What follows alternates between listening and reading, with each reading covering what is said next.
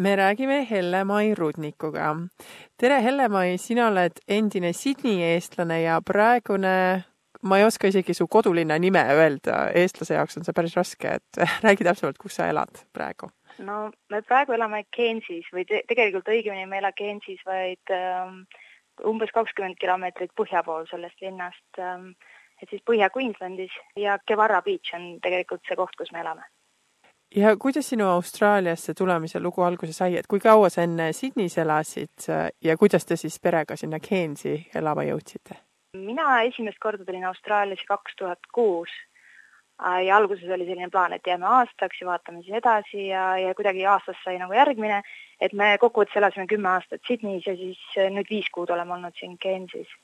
Teil on peres ka väike laps, et mis teie nagu pere otsuse põhjuseks oli, et Sydneyst ära kolida? no üks, üks suur, suur põhjus oligi äh, poja sünd, et äh, ta on nüüd kahe ja poole aastane, et kui poeg sündis, siis ma sain aru, et tegelikult seda Sydney suurlinna võimalusi me kasutame üsna noh, järjest ja järjest vähem. ja, ja samas, eks ju, noh, Sydney on väga kallis linn, kus elada ka, eriti just perega. siis hakkasime lihtsalt äh, mõtlema, et kuhu, kuhu mujale annaks kolida et ei olnudki nii väga, et me tahtsime Keynesi kolida, vaid oli pigem see, et tahtsime Sydneyst ära kolida. ja Sydney, noh, meile siiamaani väga meeldib, lihtsalt, lihtsalt tundus, et sellel hetkel meie perele oleks parem kuskil mujal olla. ja kuidas selle otsusega on läinud, et kas te olete rahul või kahetsete seda? praegu oleme olnud rahul, kuigi noh, hakkab ka just minema kuumemaks siin, et et me olime siin just sellel kuivemal ja jahedamal aastaajal, mis oli tõesti nagu väga mõnus, et niisugune tundus nagu pikk puhkus oleks et, et praegu hakkab minema natuke niiskemaks ja kuumemaks, et siis selle poolest on äh, kuidagi päevad tunduvad pikemad ja raskemad, aga, aga noh, siiamaani see loodus on ilus siin, meil on ilus suur maja, tagaaia ja basseini ja mis iganes asjadega, et et Sydneys äh, sellist elustiili me nagu ei saanud lubada endale. selle poolest kindlasti Gensis on hoopis kergem ja, ja, ja noh, toredam ka. aga no me absoluutselt ei välista, et me kunagi kolime Sydneysse tagasi või, või siis kuskile mujale, et praegu me oleme teinud niisuguse aasta-paari plaani olla Gensis siis. selles mõttes, et teie pere ei ole ainus selline, et paljud noored pered äh, kas kaaluvad sarnast sammu, et kolida suurest linnast, kas Sydneyst või Melbourne'ist kuhugi odavamasse ja siis lapsesõbralikumasse kohta, et kuidas sellised äh, otsused sünnivad, kas te tegite palju näiteks mingit uurimustööd enne seda või kuidas see sünnib?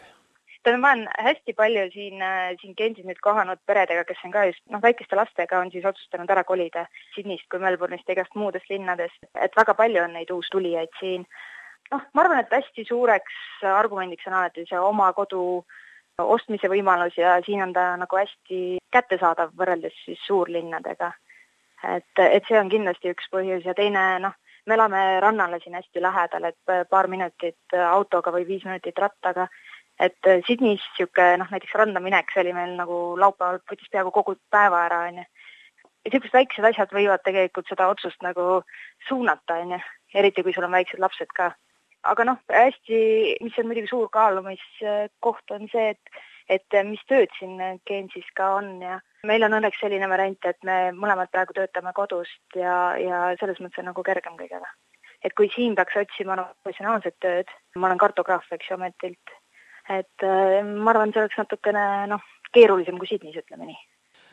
et teie puhul siis te teadsite, et teil on töökoht olemas, te saate selle nii-öelda koju kaasa ja. võtta? täpselt, et meil oli töökoht, mida kaasa võtta, et äh, või noh, inimesed, kes ütleme, töötaksid turismisektoris, et neil tegelikult Gensis oleks suhteliselt kerge, ma kujutan ette, sest siin hooajal on nagu palju tööd kas teie pere tegi enne ärakolimist ka palju sellist uurimustööd, panite plusse ja miinuseid paberile kirja või midagi taolist? täitsa panimegi plusse ja miinuseid paberile ja sellega meil see kolimisteema nagu tekkiski ja tegelikult suureks tõukeks oli, kui me olime aasta aega tagasi, olime siinsamas siin Gensi kandis puhkamas ja, ja siis lihtsalt jalutasime lapsega rannas palmide all ja siis mõtlesime, et oh, miks me võiks tegelikult siin elada mõnda aega et täiesti võimalik on jah, ja, ja ka just see, oleneb siis see, et et kas suudad mingi töökoha endale välja mõelda ja kuidas oma elu siin korraldada. et meil on sellega nagu õnneks läinud praegu, et jah. kuidas Gensis vaba aja veetmisega on, sa ütlesid, et nüüd läheb suvel väga kuumaks, et kuidas inimesed seal hakkama saavad, eriti sellised näiteks eestlased, kes võib-olla ei ole kuumalembesed inimesed? Noh, mul on varamusest on olemas Indoneesias elamise kogemus, et me elasime aasta aega Indoneesias. Ja selles mõttes ma olen kuumas kliimas juba varem ka olnud, aga noh, üldiselt niimoodi, et tuleb oma päevakava sättida hästi vara hommikule ja ja pärastlõunale, et päevasel ajal on hea istuda kodus, magada, ma ei tea, tööd teha, süüa ja nii edasi, et nagu siesta, siesta idee on siin nagu täiesti hea kas Gensis ka eestlasi on, oled sa kohanud või kellega läbi käiakse, just sellised uued pered, kes on kolinud, et äh, kuidas sõpru leida? mina olen siin uusi tuttavaid saanud nende mängugruppide kaudu ja noh, kas või satud inimestega kuskil mänguplatsil või rannas rääkima, et noh, natuke ikka on tekkinud. aga noh, muidugi võrreldes äh, Sydneyga, kus meil oli nagu väga välja kujunenud tutvusringkond ja mu abikaasa on poolakas, nii et meil oli nii Poola kui Eesti sõpru ja, ja kohalikke, et et seda meil praegu siin äh, kahjuks ei ole. aga on eestlasi,